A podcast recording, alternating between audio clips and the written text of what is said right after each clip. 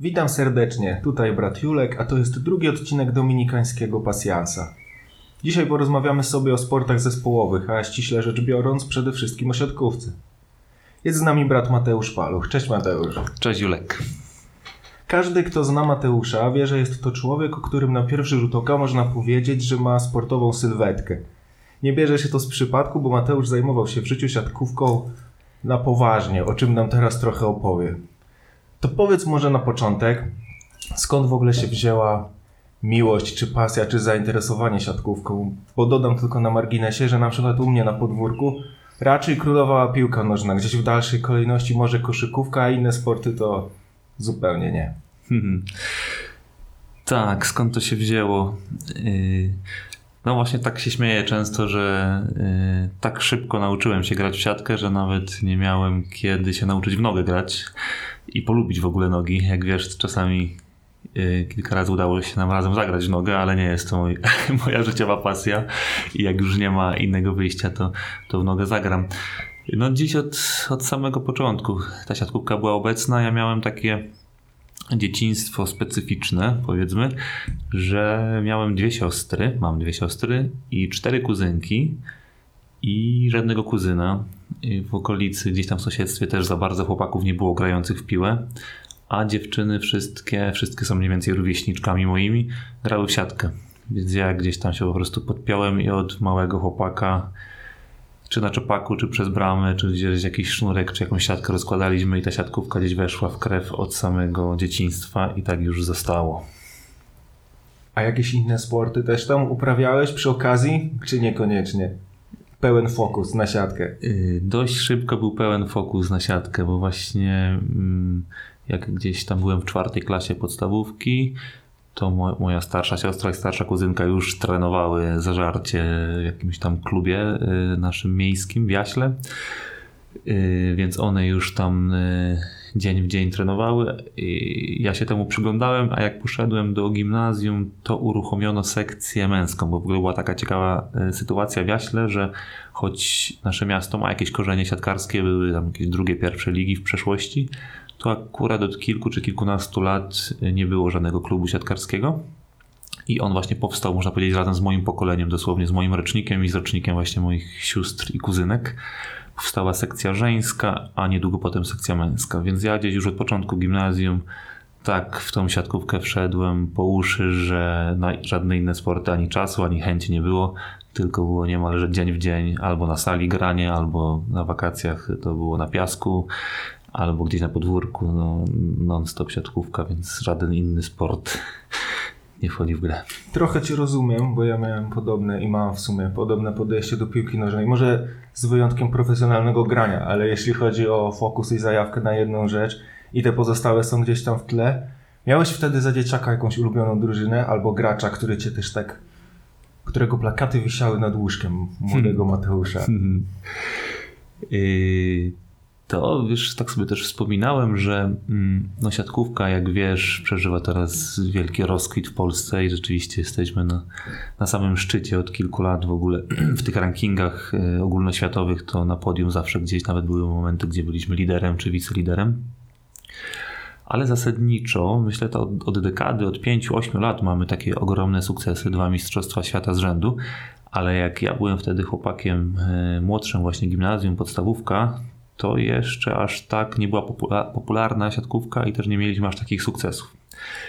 Ale oczywiście jakieś tam plakaty wisiały. Myślę, że Paweł Zagumny to był jeszcze wtedy młody rozgrywający y, kadry Polski i też zespołu AZS Olsztyn. Y, a z racji tego, że ja dość szybko zostałem mianowany na rozgrywającego, to gdzieś się wpatrywałem właśnie w jego, w jego grę. Yy, więc tak, no kadrę się oczywiście oglądało. Yy, pamiętam też takiego gracza, można powiedzieć, wszechczasów yy, serbskiego, Iwana Milikowicza. To był też taki człowiek, który był dla nas jakimś takim przykładem. To był z kolei atakujący. Więc gdzieś tam ich podglądaliśmy też tą wielką siatkówkę, a tak to sobie graliśmy po prostu po godzinach na małej sali w szkole podstawowej. No Paweł Zagumny był o tyle charakterystycznym graczem, i tak dobrym, że potrafił się przebić do świadomości kibiców nie tylko żywo zainteresowanych siatkówką, ale w ogóle takich mających chociaż trochę na sercu polski sport, mi się wydaje, bo też go pamiętam. Pamiętam jego charakterystyczny serwis i charakterystyczne rude włosy, no i takiego gościa właśnie w środku pola. Czy dzisiaj też masz jakichś takich idoli, czy z tego się wyrasta, twoim zdaniem? Nie, nie, nie wyrasta się. Gdzieś tam do końca życia się podpatruje konkretne osoby, e, ich grę, styl, styl, styl gry, też styl bycia na boisku. Jeszcze tak może dodam, e, że Paweł Zagumny, on też był, można powiedzieć, bardzo wysoki jak na swoją pozycję, był rozgrywającym, ale miał dwa metry, to był jego duży atut, zazwyczaj rozgrywający są właśnie niż, niżsi. A ja też w swojej drużynie byłem zwykle jednym z wyższych zawodników, więc też było takie naturalne, że rozgrywający jest wysoki, więc tutaj mieliśmy jakąś zbieżność z Pawłem ale jeszcze taka mi się historia przypomniała, że miałem też epizod z rudymi włosami w ogóle. nie przekazuj tego braciom, ale, ale awansowaliśmy kiedyś właśnie jakiejś młodzieżowej lidze do ćwierćfinałów Mistrzostw Polski, wygraliśmy rozgrywki wojewódzkie, pojechaliśmy na wielkie mistrzostwa i wpadliśmy na genialny pomysł, że cała drużyna przefarbuje włosy na blond, żeby grać tak w jednym kolorze. Y, ale nie wiedziałem, że moich włosów czarnych nie da się na blond przefarbować, więc potraktowałem je jakimś tam wybielaczem, czy jak to tam się nazywa. Siostry mi pomogły, pamiętam, i jak spłukałem, to miałem po prostu taki czerwono-rudy kolor. Nie dało się nic z tym zrobić, więc pojechaliśmy na zawody. Ja grałem w rudych włosach, chłopaki w blond włosach. To taka anegdotka mi się przypomniała. Mm, ale tak, no obserwuję dzisiaj też e, te zespoły cały czas, cały czas bardzo lubię właśnie grę Serbów. E, to jest taka drużyna, która też gdzieś puka do czołówki, nie są jakimiś liderami, ale co chwilę jakiś potrafią tytuł, czy jakąś niespodziankę zrobić, czy jakiś tytuł wygrać. Lubię też właśnie ich styl gry. E, aktualnie trenerem e, e, jednej z najlepszych polskich drużyn Zaksy Kędzierzyn-Koźle jest właśnie Serb Grbicz, który grał też na rozegraniu notabene, więc też się tam wpatrywałem, taki rywal zagumnego z tamtych czasów, więc, więc ci Serbowie gdzieś tam się pojawiają. No, trochę tej siatkówki oglądam, przyznaję, oczywiście nie tak jak kiedyś, ale jak jest czas, jakieś tam wiadomości czy newsy staram się śledzić trochę, mówiąc szczerze, odpowiedziałeś na pytanie, które miałem zamiar teraz zadać. Trochę, ale nie do końca. Słucham. Cię. Otóż, yy, w którym momencie w życiu młodego chłopaka było tak, że taka siatkówka w wolnym czasie z siostrami, kuzynkami czy jakimiś znajomymi przerodziła się w coś poważniejszego, coś o czym można myśleć w perspektywie no, czegoś, co definiuje na dalsze życie. I, i Mówiłeś, że zacząłeś trenować w Jaśle, w klubie tam. Tak jest. W jakich jeszcze ewentualnie klubach tutaj grałeś, trenowałeś i ile łącznie lat? Tak. No oczywiście moment przełomowy, myślę, że dla każdego yy, człowieka to jest matura i co dalej ze swoim życiem i to też był moment przełomowy w mojej, nazwijmy to, karierze sportowej. Przygodzie siatkówką. Przygodzie siatkówką, a delikatniej brzmi. Więc oczywiście dopóki mieszkałem w Jaśle, dopóki chodziłem do szkoły, do, do czasu matury, no to trenowałem i grałem w Jaśle w klubie. I powiem Ci szczerze, że mm, nie planowałem grać jakoś tam zawodowo czy półzawodowo, profesjonalnie. Chciałem po prostu pójść na studia, studiować gdzieś, a później poszukać jakiejś drużyny, żeby sobie tam poodbijać na boku. Ale właśnie życie się potoczyło jakoś inaczej, za inspiracją moich krewnych, którzy znaleźli na internecie. Pamiętam dokładnie, myśmy jeszcze wtedy w naszym domu internetu nie mieli, ale ale ciocia znalazła na internecie y, ogłoszenie, że w Krakowie szukają jakichś zawodników do klubu. Y, więc na początku się trochę uśmiechnąłem do tego, ale później pomyślałem, co mi szkodzi spróbować. Robią jakieś takie, takie testy, że zapraszają chętnych, można przyjechać na weekend, opłacają ci pobyt w Krakowie, nocleg, wyżywienie i przyjeżdżasz na treningi. Więc na taki weekend pojechałem. I okazało się, że właśnie drużyna, z którą się później związałem, czyli AZS Politechnika Krakowska, była zainteresowana, żebym się jakoś tam z nimi związał i, i, i grał u nich. Więc to były wakacje po maturze, kiedy trafiłem do, do klubu i wiedziałem też, że będę chciał już studiować w Krakowie i z tym miastem się też związać.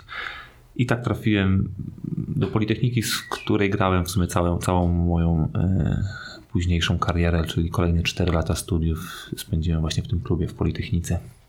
ale mówię, jak byłem właśnie w liceum, nie miałem takich marzeń, żeby teraz szukać klubu, grać gdzieś dalej koniecznie, czy rozwijać swoją karierę. Raczej, raczej chciałem e, wystopować, ale udało się znaleźć miejsca. Później to się jakoś rozwinęło i, i z tą drużyną właśnie grałem w drugiej lidze. Czyli udało ci się łączyć studia no, z karierą. Tak, udało mi się nawet, powiem, że przez ile? Przez dwa lata udało mi się łączyć dwa kierunki studiów dziennych z, z właśnie z tą grą w drugiej lidze. Aczkolwiek czułem już wtedy, że to już jest tak na, na granicy, kalendarz jest dopięty do granic możliwości, mój organizm też już funkcjonuje na, na granicy. I tych zajęć było sporo, tych treningów było sporo, e, wysiłek też na treningach był niemały, e, ale jakoś udało się wtedy to, e, to połączyć trzeba pewnie z czegoś rezygnować w takiej sytuacji. Wyobrażam sobie, że to musiało się odbić kosztem życia towarzyskiego, albo życia rodzinnego, albo czasu na regenerację, no czegoś. No, albo kosztem jakości nauczania, tudzież jakości gry. No. Tak, zdecydowanie był to bardzo intensywny czas, wtedy pamiętam.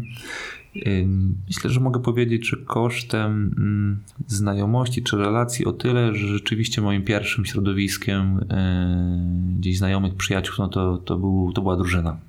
Nawet było tak, że przez pierwsze dwa lata mieszkania w Krakowie mieszkałem w Akademiku Politechniki razem z chłopakami, którzy też trenowali razem ze mną, więc te studia gdzieś tam były na drugim miejscu w tym sensie, że na zajęciach byłem obecny, ale to życie właśnie towarzyskie, społeczne y, to było głównie środowisko sportowe. No, dużo wyjazdów, mówię, dzień w dzień treningi, no, weekendy naj, najczęściej mecze wyjazdowe, więc ten czas spędzaliśmy tam razem jakoś. Studia udało się skończyć, więc powiedzmy, że nie aż takim kosztem, żeby się nie uczyć.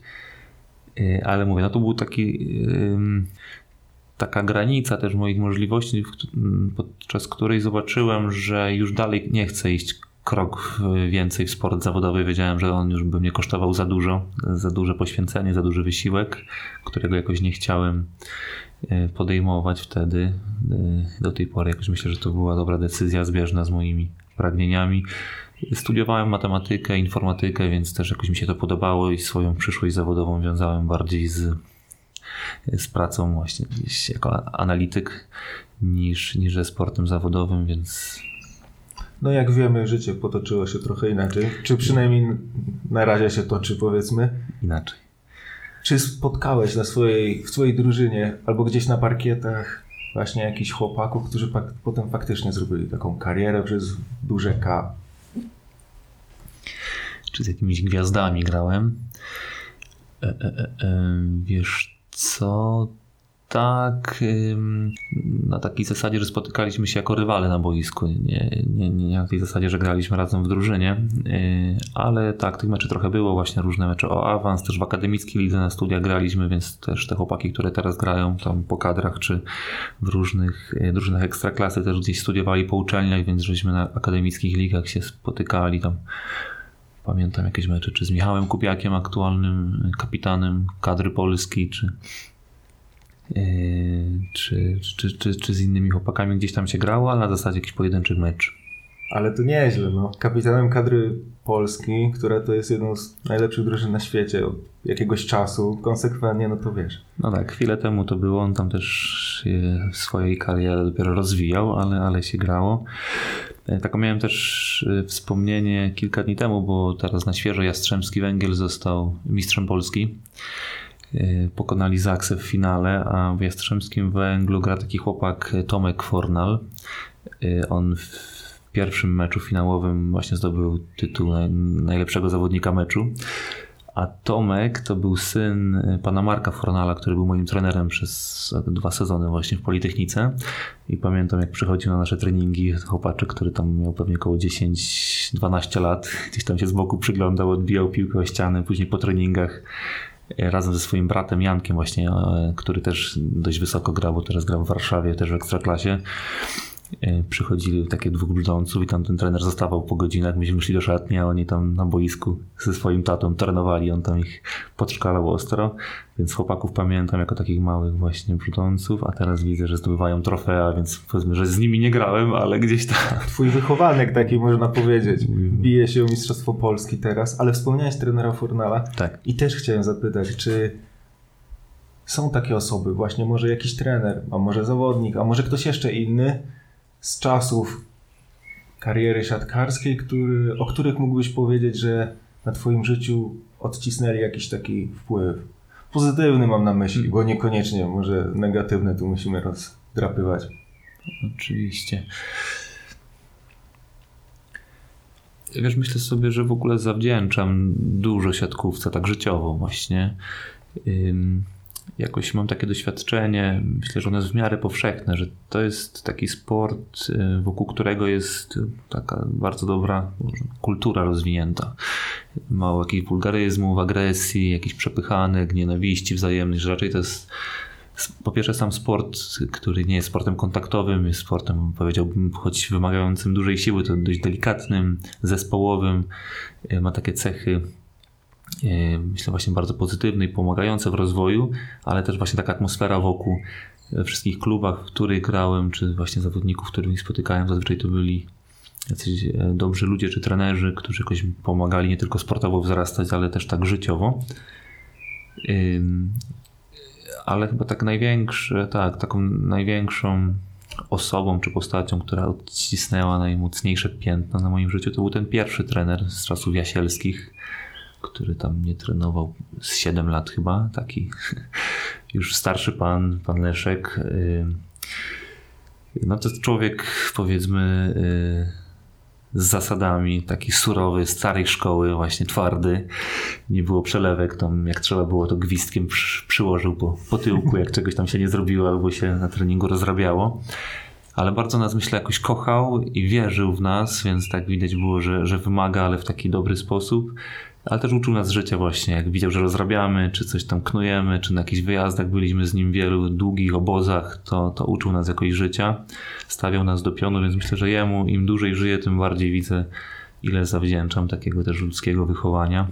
Później już w Krakowie trafiałem też na, na dobrych trenerów, których, którym zależało na naszym rozwoju, właśnie nie tylko fizycznym, ale takim ogólnoludzkim.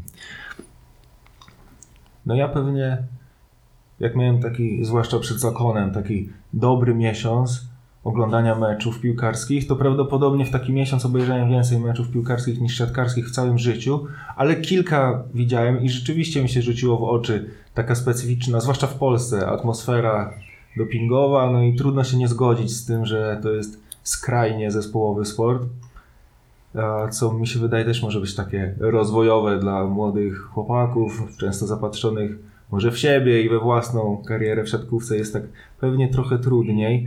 Mamy dosyć szeroko omówiony i rozpracowany pewnie moment, w którym nastolatek rozważał karierę właśnie taką trochę może przypadkowo, jak mówisz, trochę tak z rozpędu bardziej niż taką świadomą decyzją i z, ze studiami cały czas w głowie. Mhm. E, drogę zawodową, no ale musiał przyjść też ten moment, w którym sobie zdałeś sprawę, że kariera zawodowa siatkarza to jednak na pewno nie stanie się Twoim udziałem. I opowiedz trochę, jak to było i czy przeżywałeś to ciężko, czy może właśnie to był dla Ciebie jakiś taki moment ulgi, że w końcu będę mógł jak normalny student, czy tam się żyć. Nie, to akurat nie był aż tak łatwy moment, choć e, tak jak Ci powiedziałem, była we mnie jakaś taka dość duża oczywistość, że z tym sportem nie chcę się jakoś wiązać i bardziej w niego inwestować, no to jednak ta gra wtedy w drugiej lidze była e, angażująca. Y, ale miałem taki moment rzeczywiście, że po czwartym roku studiów y, dostałem propozycję, zostałem zachęcony, żeby wyjechać za granicę na studia y, do Mediolanu. Byłem też po kilku latach nauki włoskiego, więc wiedziałem, że to jest szansa dla mnie, żeby ten język już tak doszlifować, też właśnie się jakoś rozwinąć naukowo, życiowo i ale to też stałem wtedy na skraju takiej decyzji, bo był kolejny sezon przed nami. Kolejny raz dostałem propozycję właśnie gry. To miał być kolejny dobry sezon, walka gdzieś tam o awans do pierwszej ligi, więc to miał być taki duży sportowy rozwój, więc wiedziałem, że to jest też szansa dla mnie. Yy, ale wiedziałem, że właśnie już kończę studia, więc jak teraz nie pojadę, to też stracę taką szansę. I to był taki moment, myślę, zwrotny, jeśli chodzi o, o moje granie, że tam po kilku tygodniach zastanawiania się zdecydowałem rzeczywiście rzucić ten sport, bo też wiedziałem, że jak już wrócę, będzie piąty rok studiów, pewnie zacznę pracować, więc już do wielkiej siatkówki nie powrócę, więc to była taka świadoma decyzja, że nie podpisuję kontraktu, żegnam się z Politechniką, wyjeżdżam i żegnam się z, no właśnie, można powiedzieć wielką siatkówką, ale z siatkówką się nie pożegnałem. I rzeczywiście wyjechałem na te studia jak się łatwo domyślić, bardzo szybko znalazłem miejsce, gdzie można grać, bo, bo długo nie, nie wysiedziałem na miejscu, więc w tym Mediolanie, w jakiejś tam akademickiej drużynie od razu się zakręciłem, czy nawet lidze. I po powrocie też od razu gdzieś znalazłem jakieś środowisko, żeby sobie grać, ale, ale wtedy to był taki moment rzeczywiście ostatecznej decyzji, że już do, do sportu tak intensywnego nie wracam. No to będzie takie teraz trochę pytanie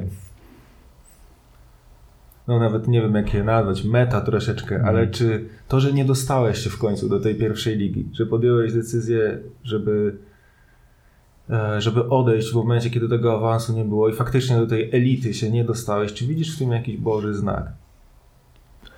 Że mogłoby mnie to jakoś wciągnąć i pochłonąć. Yy... Że mógł to być konieczny krok mm. na mhm. twojej drodze mm. życia do tego, żeby dzisiaj być tutaj, w zakonie. Mm.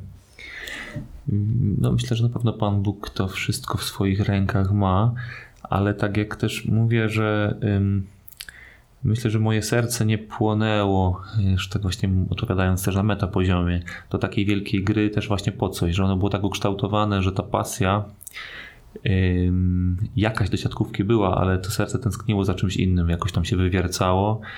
Właśnie wtedy jeszcze rozpocząłem pracę normalnie, szukałem w różnych miejscach takiego życiowego spełnienia swojego miejsca. Wiedziałem, że to nie będzie siatkówka, więc może trochę w tym, w, w tym kierunku, że, że gdzieś miałem takie przeczucie, że, że to nie jest to.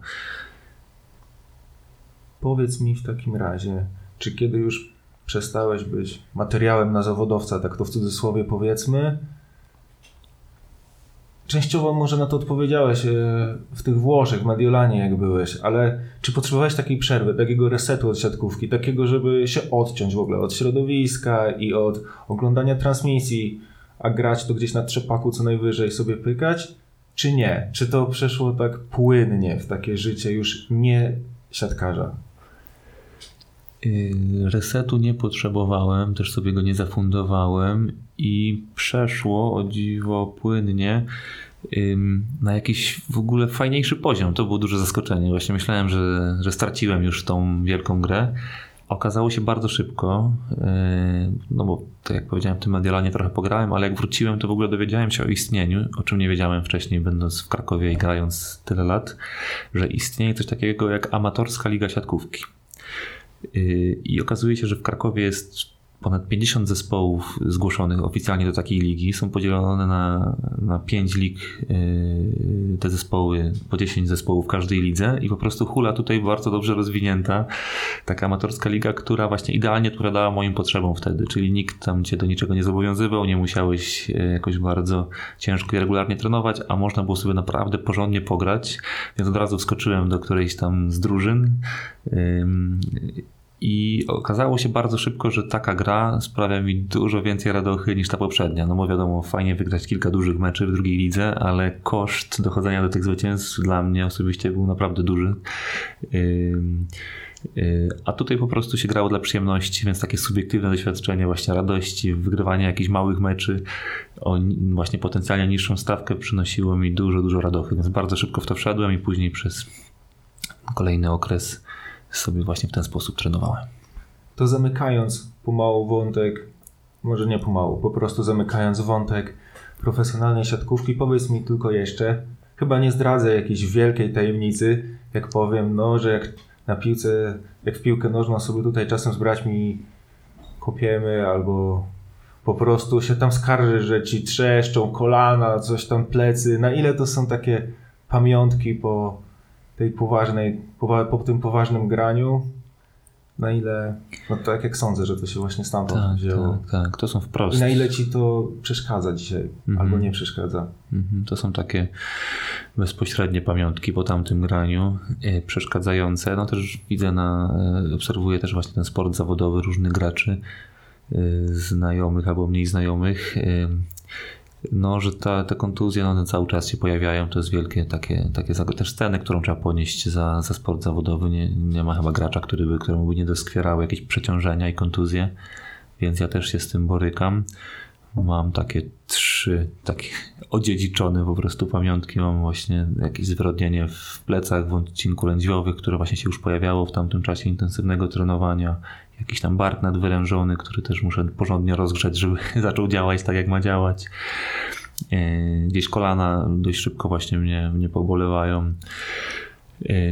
Jest to pokłosie tamtego czasu. Pamiętam taki jeden sezon, gdzie naprawdę się już na maksa spieliśmy i, i te oczekiwania awansu były bardzo duże do pierwszej ligi, więc okres przygotowawczy był bardzo, bardzo trudny. Też dostaliśmy takiego trenera starej daty, podobnie jak tego Jasilskiego więc tam przygotowania właśnie polegały na bieganiu z ciężarkami, piłkami lekarskimi, skakaniu yy, przez płotki, więc do dzisiaj mam wspomnienia, że wtedy no, te przeciążenia one przyniosły owoce. Oczywiście wtedy człowiek atakował mocniej, skakał wyżej, ale po tamtym sezonie trochę się właśnie w organizmie poprzestawiało.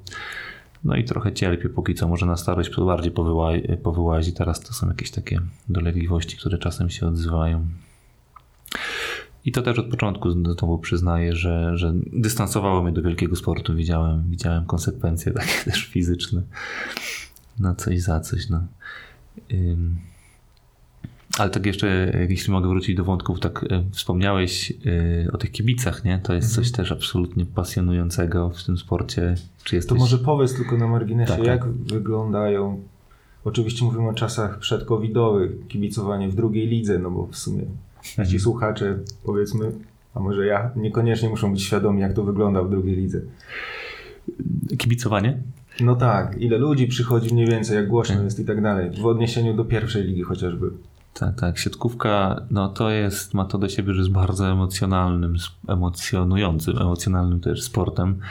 E, dużo się właśnie rozstrzyga w tych końcówkach setów, więc e, myślę, że takie mecze, czy zarówno w pierwszej, czy i drugiej lidze dostarczają naprawdę mnóstwo emocji e, zawodnikom i, i kibicom.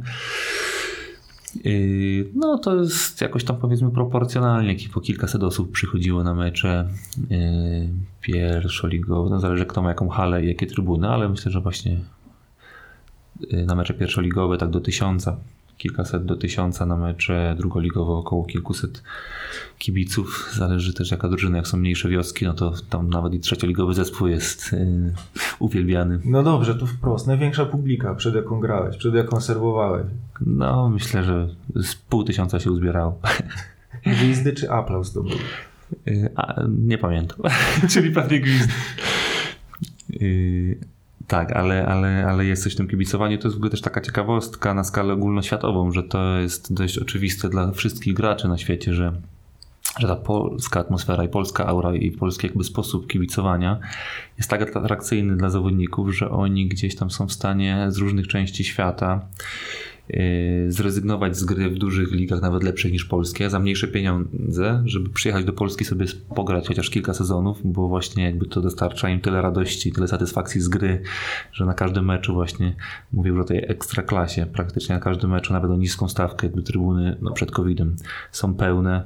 Na wszystkie mecze wyjazdowe są właśnie organizowane autokary, wyjazdy, więc, e, więc, więc naprawdę ta oprawa kibiców jest imponująca w Polsce i też mamy się z czego szczycić i to jest też właśnie fajnie, że przyciąga to najlepszych graczy z całego świata, którzy też lubią właśnie przyjeżdżać i grać przed polską publicznością.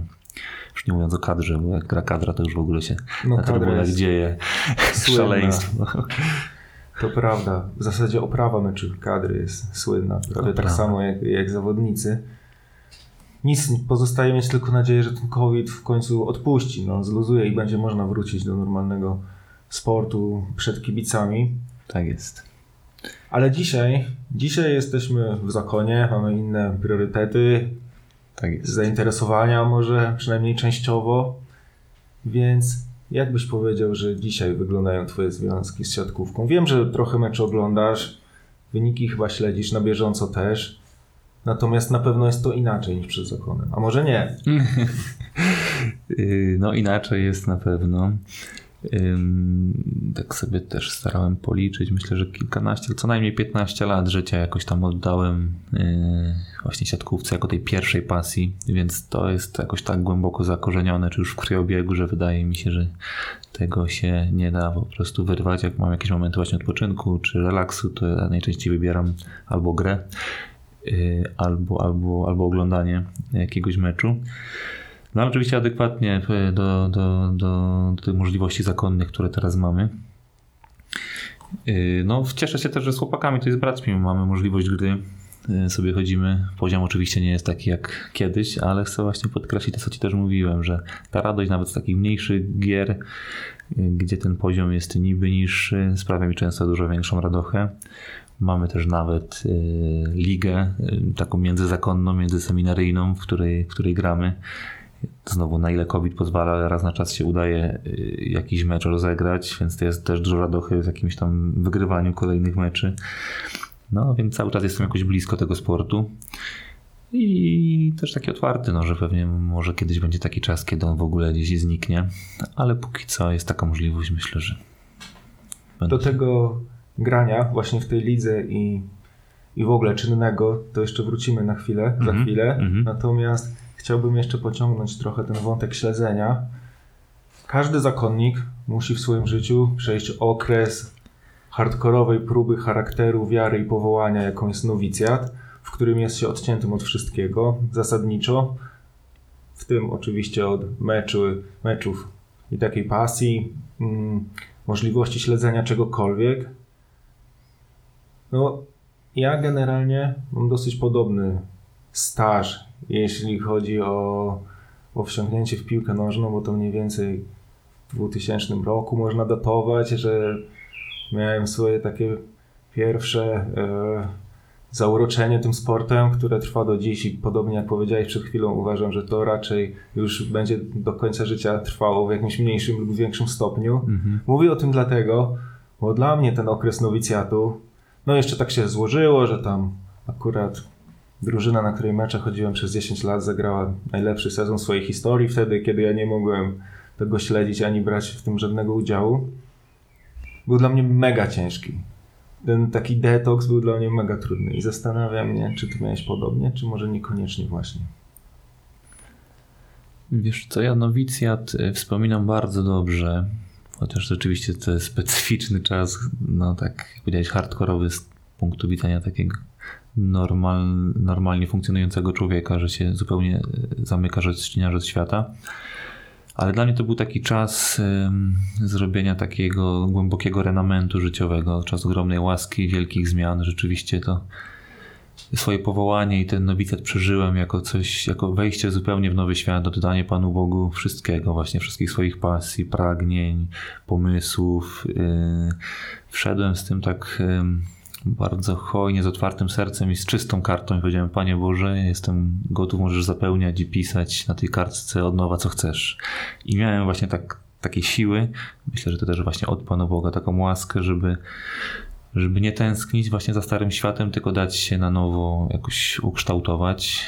Więc tak w takim kluczu wspominam ten nowicjat i też właśnie byłem w stanie jakoś oddać nawet na amen tą siatkówkę, już nawet nie wracać do niej. To, że teraz gdzieś mam możliwość y, spokojnie czy obserwować czasem, czy, czy nawet samemu zagrać, to właśnie traktuję jako dużą radość z takiej możliwości, ale wtedy nie wspominam tego jako jakiś, jakiego, jakiegoś wielkiego trudu.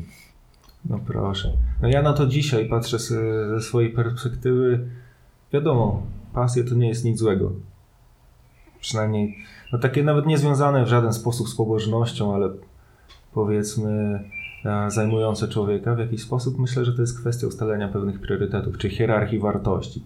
Może w moim przypadku to było tak, że tę hierarchię trzeba było lekko zmodyfikować i stąd te nowicjackie trudy. Ostatnie pytanie, które mam związane z oglądaniem siatkówki, mhm. to jest o wielkie turnieje, na przykład Mistrzostwa Świata czy coś. Od znaczy Europy. Wiadomo, olimpiada i tak dalej. Od braci starszych trochę wiem, że był taki moment, że jak oglądaliście wspólnie, bo mnie jeszcze nie było w Krakowie, wspólnie transmisję z takich mistrzostw, to przeżywały się bardzo, bardzo mocno.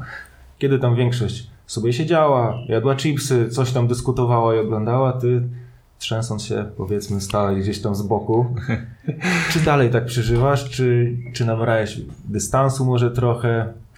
Bo rozumiem, że to wynika z takiej pewnej solidarności było, nie było, nie? Z chłopakami tam na parkiecie.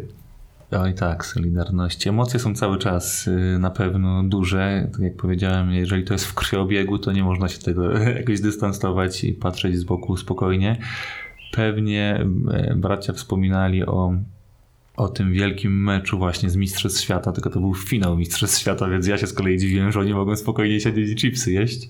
To był rzeczywiście wielki, bardzo emocjonujący mecz, bo to była, to była obrona e, Mistrzostwa Świata drugiego z rzędu. E, Polacy e, raz je zdobyli właśnie będąc w Polsce gospodarzami, więc to, był, to było wielkie wydarzenie. Niech o randze tego meczu świadczy to, że to było jedyne wydarzenie społeczno-kulturowe, które ja będąc w tamtym czasie w nowicjacie mogłem obejrzeć, bo rzeczywiście wow. dostaliśmy specjalną zgodę na obejrzenie tego meczu. Tak, Przez tak, cały nie... rok to była jedyna taka. Wow, no więc to było naprawdę duże sportowe y, wydarzenie i mecz był bardzo emocjonujący, więc oni bronili z tego tytułu i też z Brazylią, więc finał był taki sam jak 4 lata wcześniej, więc to był mecz bardzo emocjonujący, no ale też myślę jest coś takiego, pewnie też się zgodzisz, może ty też tak piłkę oglądasz. Mnie do, lubię oglądać piłkę, ale mnie aż tak do niej nie ciągnie że kiedy znasz sport właśnie od podszewki, wszystkie zasady, detale, y, różne napięcia, które się rodzą na boisku, y, to wychwytujesz dużo więcej szczegółów, więc też oglądanie sprawia ci dużo więcej przyjemności. Właśnie jak mam jakichś braci, z którymi raz na czas coś oglądam i troszeczkę im tam podpowiem, że to jest dlatego, że ten zagrał tak, a ten wszedł dlatego, że żeby zrobić to, a to, no to to rzeczywiście też zwiększa atrakcyjność oglądania moich współbraci, a że ja to gdzieś tam mam właśnie z własnego doświadczenia, dokładnie tam każdy fragment boiska e, pamiętam e, e, i, i, i, i, widzę właśnie dużo szczegółów, no to to wzbudza we mnie dużo właśnie takich czasami emocji, nerwów, ale myślę, że to jest właśnie fajne, relaksujące jakoś ostatecznie. O to chodzi koniec końców w tym tak, sporcie, tak, emocje, tak, tak. prawda? Tak jest. No trudno się nie zgodzić z tym, że jeżeli widzisz trochę więcej, trochę nawet to nie wymagało powiedzmy grania na jakimś wysokim poziomie, ale rzeczywiście obejrzenia iluś tam set tych meczy w życiu i przesłuchania iluś tam analiz, to potem wchodzi, wchodzi to w człowieka i widać trochę więcej i rzeczywiście tak jest. To może być takie korzystne i niekorzystne przy oglądaniu transmisji, bo czasami z drugiej strony wtedy takie uwagi kompletnie wzięte z kosmosu potrafią być lekko denerwujące. Natomiast taki jest też urok wspólnotowego oglądania czegokolwiek. Ja potwierdzam to, że przy oglądaniu właśnie piłki nożnej, takich poważnych meczy, reprezentacji Polski zwłaszcza, potrafię przeżywać bardzo silnie te emocje. Euro 2016, czyli um, no to, gdzie się w miarę udało trochę tam osiągnąć i, i jeszcze wtedy byłem trochę przed zakonem, to wspomina mnie bardzo, bardzo tak emocjonalnie i mocno i, i ten mecz z Irlandią, który w zasadzie on nie był taki ważny w kontekście całości, ale był pierwszym zwycięstwem Polaków na imprezie rangi mistrzowskiej, w meczu nie o Pietruszkę, za mojego życia, to po prostu była jakaś euforia gigantyczna. Pamiętam, że mhm. oglądałem z takim przyjacielem moim dobrym i jeszcze z paroma innymi osobami w Sopocie, w takiej knajpce, no to potem rzeczywiście cały ten, cały ten Sopot huczał. Tak samo zresztą po tym historycznym zwycięstwie z Niemcami. No ale to, to może na marginesie, żebyśmy tam nie uciekli za bardzo od tematu siatki. Powiedziałeś o tej lidze amatorskiej krakowskiej. Czy ty grasz w niej ciągle dalej, czy ty teraz grasz ze znajomym w czymś innym? Wiesz co, te znajomości, które właśnie wtedy po, już po moim powrocie z Włoch zawiązałem z chłopakami, y, no pozostały do tej pory, więc czasami jak mi się udaje właśnie gdzieś wyjść, czy mam jakiś y, wolny wieczór raz na czas, no teraz w covid nie, to są właśnie, to jest ta sama ekipa z chłopakami, z którymi grałem wcześniej, to teraz udaje mi się czasami coś poodbijać, ale już w takim sensie ścisłym, że, że gram z nimi normalnie całą ligę, to, to nie. Rozumiem, rozumiem. Czyli to jest taka bardziej odskocznia w sumie niż. No ale rozumiem, że tam dajesz radę ciągle. No to jest właśnie wielka przyjemność i, i radość, że to są chłopaki, z którymi kiedyś graliśmy na podobnym poziomie. Wiadomo, nie jest to aż ten level, aż tak dużo nie trenujemy, ale każdy jakieś umiejętności ma. mają też swoje obowiązki życiowe, zmienił się ich status, mój na zakonnika, większość z nich już są tatusiami, mężami, więc jak tam położą wieczorem dzieci, a ja już odmówię szpory, to się wieczorem spotykamy, żeby sobie jak za dawnych lat pograć. Wiadomo, i, brzuszek może urosnąć, ale techniki się nie zapomina. Techniki się nie zapomina. Techniki się nie zapomina. To powiedz jeszcze proszę, ale tak w dwóch słowach, jak wygląda ta liga międzyzakonna czy międzyseminaryjna? Tak, no to jest yy, to jest yy, liga, w której się zgłosić może 12 zespołów z całej Polski i się zgłosiło. Yy, podzielili te zespoły na trzy grupy po cztery zespoły w każdej grupie i są jak, jak, jak zwykle w takich rozgrywkach bywa. Najpierw faza grupowa, a później lider każdej grupy jedzie na turniej finałowy, w którym biorą udział cztery drużyny, czyli trzech liderów z trzech grup, plus gospodarz, który jest zwycięzcą poprzedniej edycji rozgrywek. I, i, no i sobie gramy, na razie się udało wygrać, mamy w grupie trzy drużyny, udało się wygrać dwa mecze, przed nami jeszcze jeden mecz, który jeśli zwyciężymy, no to, to, to, to wygramy te rozgrywki grupowe i będziemy mieli furtkę do finałów. Aczkolwiek sytuacja jest cały czas niepewna, bo te, te, te terminy rozgrywania meczów się ciągle przesuwają z racji na epidemię. E, może się uda jakoś rozegrać i zagrać dalej. W finale jeszcze nigdy nie grałem, więc nie wiem też jaki jest poziom ogól, ogólnopolski tych meczy. Ale po tych dwóch ostatnich meczach widzę, że, że nie taki niski, nawet się udało coś pograć, podbijać, e, trochę znowu radości właśnie e, zaczerpnąć, więc jest, jest fajnie. I jak w takiej drużynie i w takim turnieju w takiej lidze właściwie powinienem powiedzieć, wygląda Twoja rola jako powiedzmy eks-zawodowca? A, bardzo fajna właśnie, sprawia mi ona bardzo dużo radości i, i, i frajdy. No oczywiście mam tam największe doświadczenie spośród braci. Yy, więc jestem takim trochę zawodnikiem, a trochę trenerem, ale staram się właśnie jak najefektywniej, yy, jak najdelikatniej pomagać braciom i nie ukrywam, że wykorzystuję jakąś tam moją wiedzę też teoretyczną, siatkarską, więc... Zdradzę naszym słuchaczom, że w momencie, kiedy Mateusz powiedział, że delikatnie, jak najdelikatniej, cytując dosłownie, pomaga braciom, uśmiechnął się dwuznacznie. Tak, taką wiedzę teoretyczną staram się też braciom przekazywać, bo nie ukrywam, że wygraliśmy z dwoma drużynami w, tej, w, tej, w, tej, w, grupowym, w tych grupowych rozgrywkach, które na moje oko, e, patrząc z boku, umiejętności techniczne miały i takie indywidualne, e, powiedzmy, jakbyśmy uśrednili to większe od nas. E, ale właśnie przez to, że coś tam gdzieś grałem, potrafiłem naszą drużynę tak ustawić, właśnie technicznie, kto gdzie, gdzie ma stanąć, jak się ma nastawić na co, Yy, jakoś stworzyliśmy taki fajny zespół, który, który wiedział, gdzie ma grać, kto ma grać jak, że udało się właśnie tak zespołowo dość łatwo te dwa mecze wygrać. Tamte drużyny jakoś próbowały postawić opór tymi indywidualnymi umiejętnościami, a nasz zespół jako zespół wygrywał dwukrotnie. Co mi sprawia właśnie ogromną radochę, czyli nie jest tak, że, że ja tam Mateusz gram na przedzie i cokolwiek, mm, jakakolwiek Wszystkie piłka piłki na Mateusza. I, i kończymy tylko staramy się właśnie stworzyć taki fajny zespół, gdzie każdy jakby optymalizuje swoje umiejętności yy, i to się jakoś udaje, więc sprawia mi to ogromną radość.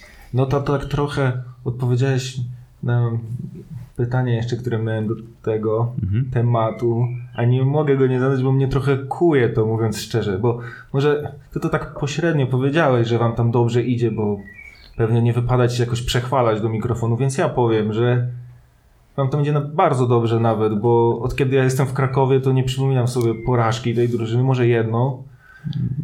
Więc można powiedzieć, że reprezentacja siatkarska tutaj, braci Dominikanów, studentów, osiąga sukcesy i zestawiając to z antysukcesami, które osiąga piłkarska reprezentacja Dominikanów, to yy, o czym też o czym miałem okazję przekonać się z bliska, grając w niej parę razy, ta różnica jest znacząca. I jak myślisz, czy to jest kwestia tylko umiejętności, czy jeszcze czegoś? Może konkurencji? No, no, no tak. Można powiedzieć. Możesz też odpowiedzieć pomidor. Jak Najbezpieczniej byś właśnie chciałoby się powiedzieć, to przez przypadek po prostu tak wychodzi. Nie martw się Julek, kiedyś będzie lepiej. Nie no, na pewno jest tak, co mnie irytuje, jak wiesz też, że no, ta piłka nożna jest cholernie popularna, wszyscy w nią grają z każdej strony, w każdym wieku, oprócz mnie.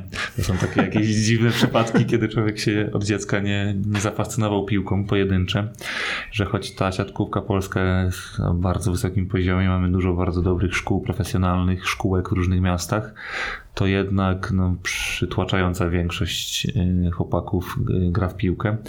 Więc pewnie to przez to, że też byłem na dwóch meczach, przyglądałem się waszym piłkarskim, poczyn piłkarskim poczynaniom, to też widziałem, że wasi rywale naprawdę trzymali poziom i to nie były takie przegrane, że tam jakieś dwie słabiutkie drużyny się spotkały, tylko po prostu chłopaki gdzieś tam po tych seminariach też dobrze grają, są wyćwiczeni pewnie z jakimiś tam też, z jakąś przeszłością sportową. U nas się trafiło, że mamy kilku fajnych chłopaków, więc mamy jakiś tam zespół i na razie udaje się wygrywać. Ta reprezentacja też się dynamicznie zmienia, prawda? Jedni odchodzą, przychodzą nowi na pierwszy rok. Tak, potem, tak, tak. Także to jest. Jak w profesjonalnej siatkówce po prostu w kadrze. Prawda, kontrakty, karuzela transferowa. Tylko trener stoi na posterunku. Tak, tak. Oby jak najdłużej. No, także nie wiem, ja tak mówię, się trochę tam wysłośliwiać i od czasu do czasu, ale oczywiście trzymamy kciuki wszyscy, żebyście do tych finałów się dostali i tam zwojowali jak najwięcej. Dzięki, dzięki. Jeszcze mi się taka anegdota przypomniała. Jak byłem jeszcze przed nowicjatem, oczywiście już miałem sobie decyzję pójścia za Panem Bokiem i wstąpienia do zakonu, ale jeden z ojców chciał mnie chyba tak jeszcze bardziej jakoś przekonać, czy wzbudzić sympatię do zakonu. Mówi, a no bo u nas bracia, wiesz, też grają w siatkę, jest ta liga zakonna, nie wiedziałem w ogóle, że coś takiego istnieje. I mieli ostatnio brązowy medal Mistrzostw Polski, nie? I myślę, wow, no to musi być jakaś ekipa, że będziemy grali, fajnie. I poszedłem do tego nowicjatu, więc cały czas liczyłem, że ta ekipa jest, tylko tak jak mówisz, w nowicjacie jest ym, i nie ma kontaktu ze światem, więc nic nie wiedziałem i przyjechałem do Krakowa i się okazało, że po pierwsze nie mieli trzeciego miejsca, tylko czwarte w tym turnieju finałowym. W sensie całkiem fajnie być w finałowym turnieju, super, że i tak nieźle musieli zagrać. A okazuje się, że w fazę grupową jakiś tam jeden mecz ledwo wygrali, a drugiego mieli walkowera, więc pojechali i trzeciego przegrali, więc pojechali jakimś fuksem na mistrzostwa, na których przegrali dwa mecze, półfinał i mecz o trzecie miejsce. Ale przez dwa lata żyła we mnie nadzieja, że mamy ekipę, która zdobyła brązowy medal mistrzostw Polski. No, mam nadzieję, że to się odmieni w tym sezonie i uda się coś więcej niż czwarte miejsce zdobyć, aczkolwiek zobaczymy. No, przede wszystkim, że się uda w ogóle ją dograć, od tego zacznijmy. ale, dokładnie, dokładnie. ale chyba można żywić takie nadzieje, wydaje mi się. Oby, oby. Ostatnia kwestia, którą chciałbym poruszyć w sumie. Powiedz, czy widzisz jakieś dzisiaj podobieństwa w drodze zakonnika i profesjonalnego sportowca?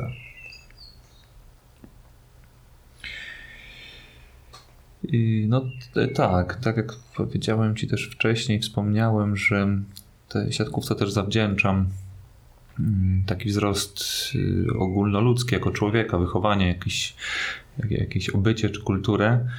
Y, tak myślę, że to, te rzeczywistości są sprzężone. Właśnie dobrze uprawiany sport na pewno w człowieku